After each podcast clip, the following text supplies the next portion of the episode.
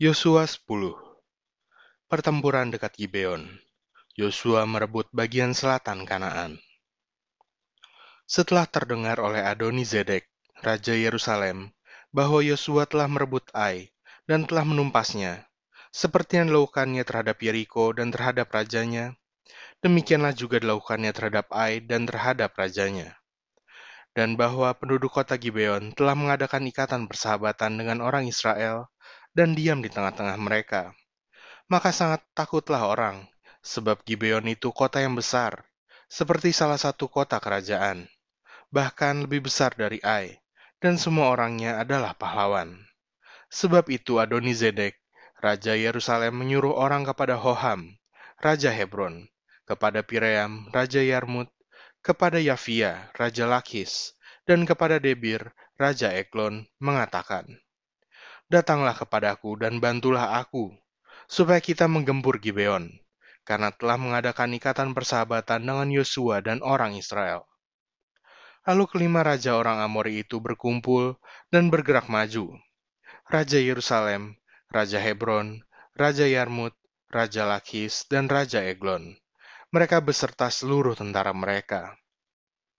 Mereka berkemah mengepung Gibeon dan berperang melawannya. Lalu orang-orang Gibeon itu menyuruh orang kepada Yosua ke tempat perkemahan di Gilgal, mengatakan, Jangan menarik tanganmu daripada hamba-hambamu ini. Datanglah dengan segera kepada kami. Lepaskanlah kami dan bantulah kami. Sebab semua raja orang Amori yang diam di pegunungan telah bergabung melawan kami. Lalu Yosua bergerak maju dari Gilgal. Dia dan seluruh tentara yang bersama-sama dengan dia. Semuanya pahlawan yang gagah perkasa. Berfirmanlah Tuhan kepada Yosua, Janganlah takut kepada mereka, sebab aku menyerahkan mereka kepadamu. Tidak seorang pun dari mereka yang dapat bertahan menghadapi engkau.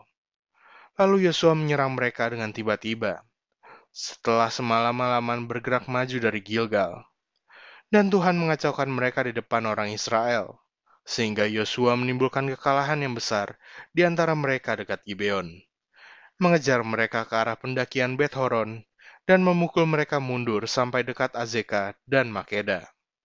Sedang mereka melarikan diri di depan orang Israel dan baru di lereng Bet Horon, maka Tuhan melempari mereka dengan batu-batu besar dari langit sampai ke Azeka, sehingga mereka mati. Yang mati kena hujan batu itu ada lebih banyak dari yang dibunuh oleh orang Israel dengan pedang. Lalu Yosua berbicara kepada Tuhan pada hari Tuhan menyerahkan orang Amori itu kepada orang Israel. Ia berkata di hadapan orang Israel, Matahari, berhentilah di atas Gibeon, dan engkau bulan, di atas lembah Ayalon. Maka berhentilah matahari dan bulan pun tidak bergerak, sampai bangsa itu membalaskan dendamnya kepada musuhnya. Bukankah hal itu telah tertulis dalam kitab orang jujur? Matahari tidak bergerak di tengah langit, dan lambat-lambat terbenam kira-kira sehari penuh. Belum pernah ada hari seperti itu, baik dahulu maupun kemudian, bahwa Tuhan mendengarkan permohonan seorang manusia secara demikian. Sebab yang berperang untuk orang Israel ialah Tuhan. Kemudian Yosua dan seluruh orang Israel yang menyertainya pulang kembali ke tempat perkemahan di Gilgal. Kelima raja itu melarikan diri, dan bersembunyi di dalam gua di Makeda. Kepada Yosua dikabarkan demikian. Kelima raja itu telah ditemukan bersembunyi di dalam gua di Makeda. Lalu berkatalah Yosua, Gulingkanlah batu-batu yang besar ke mulut gua itu, dan tempatkanlah di sana orang untuk menjaga mereka. Tetapi kamu, janganlah kamu berhenti. Kejarlah musuhmu dan hantamlah barisan belakangnya Janganlah biarkan mereka masuk ke dalam kota-kota mereka, sebab Tuhan Allahmu menyerahkan mereka kepadamu. Setelah Yosua dan orang Israel selesai menimbulkan kekalahan yang besar sekali di antara mereka, sampai mereka dihancurkan sama sekali, beberapa orang dari mereka dapat lolos dan masuk ke kota-kota yang diperkuat. Pulanglah seluruh bangsa itu dengan selamat kepada Yosua ke tempat perkemahan di Makeda. Tidak ada seorang pun yang berani melemparkan kata-kata ancaman terhadap orang Israel. Kemudian berkatalah Yosua, Bukalah mulut gua dan keluarkanlah kelima raja itu dari dalam dan bawa kepadaku. Dilakukan oranglah demikian. Kelima raja itu dikeluarkan dari gua itu dan dibawa kepadanya. Raja Yerusalem, Raja Hebron, Raja Yarmut, Raja Lakis, dan Raja Eglon. Setelah raja-raja itu dikeluarkan dan dibawa kepada Yosua, maka Yosua pun memanggil semua orang Israel berkumpul dan berkata kepada para panglima tentara yang ikut berperang bersama-sama dengan dia, Marilah dekat, taruhlah kakimu ke atas tengkuk raja-raja ini. Maka datanglah mereka dekat dan menaruh kakinya ke atas tengkuk raja-raja itu. Lalu berkatalah Yosua kepada mereka, Janganlah takut dan janganlah tawar hati, kuatkan dan teguhkanlah hatimu, sebab secara itulah akan dilakukan Tuhan kepada semua musuhmu yang kamu perangi. Sesudah itu Yosua membunuh raja-raja itu dan menggantung mereka pada lima tiang, dan mereka tinggal tergantung pada tiang-tiang itu sampai matahari terbenam. Tetapi menjelang matahari terbenam, atas perintah Yosua, mayat mereka diturunkan dari tiang-tiang itu dan dilemparkan ke dalam gua tempat mereka bersembunyi. Lalu mulut gua itu ditutupi orang dengan batu-batu besar yang masih ada sampai sekarang. Pada hari itu Yosua merebut Makeda, dan kota itu dipukulnya dengan mata pedang, juga rajanya. Kota itu dan semua makhluk yang ada di dalamnya ditumpasnya. Tidak ada seorang pun yang dibiarkannya lolos, dan Raja Makeda diperlakukannya seperti telah diperlakukannya Raja Yeriko. Kemudian Yosua dengan seluruh Israel berjalan terus dari Makeda ke Libna, lalu memerangi Libna. Dan Tuhan menyerahkan kota itu juga kepada orang Israel, beserta rajanya. Yosua memukul kota itu dan semua makhluk yang ada di dalamnya dengan mata pedang.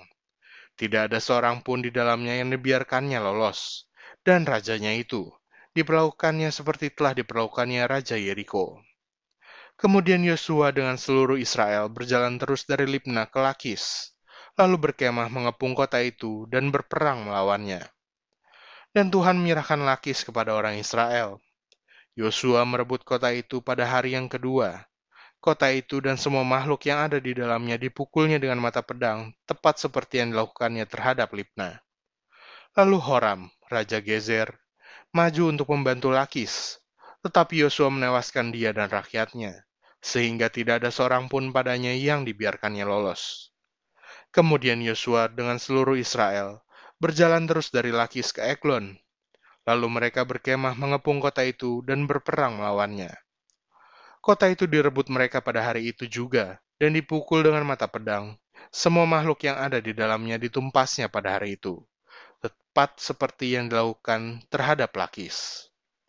Kemudian Yosua dengan seluruh Israel bergerak maju dari Eglon ke Hebron, lalu berperang melawannya. Negeri itu direbut mereka dan dipukul dengan mata pedang, juga rajanya dan segala kotanya, dan semua makhluk yang ada di dalamnya, tidak seorang pun yang dibiarkannya lolos. Tepat seperti yang dilakukannya terhadap Eglon. Kota itu dan semua makhluk yang ada di dalamnya ditumpasnya. Kemudian Yosua dengan seluruh Israel kembali ke Debir, lalu berperang melawannya. Negeri itu beserta rajanya, dan segala kotanya direbutnya, dan dipukul dengan mata pedang. Semua makhluk yang ada di dalamnya ditumpas mereka. Tidak seorang pun yang dibiarkannya lolos. Seperti yang dilakukannya terhadap Hebron, demikianlah dilakukan terhadap Debir beserta rajanya. Sama seperti yang dilakukannya terhadap Libna beserta rajanya. Demikianlah Yosua mengalahkan seluruh negeri itu, pegunungan, tanah Negeb, daerah bukit, dan lereng gunung, beserta semua raja mereka. Tidak seorang pun yang dibiarkannya lolos, tetapi ditumpasnya semua yang bernafas, seperti yang diperintahkan Tuhan, Allah Israel. Yosua menewaskan mereka dari Kades Barnea sampai Gaza, juga seluruh tanah Goshen sampai Gibeon.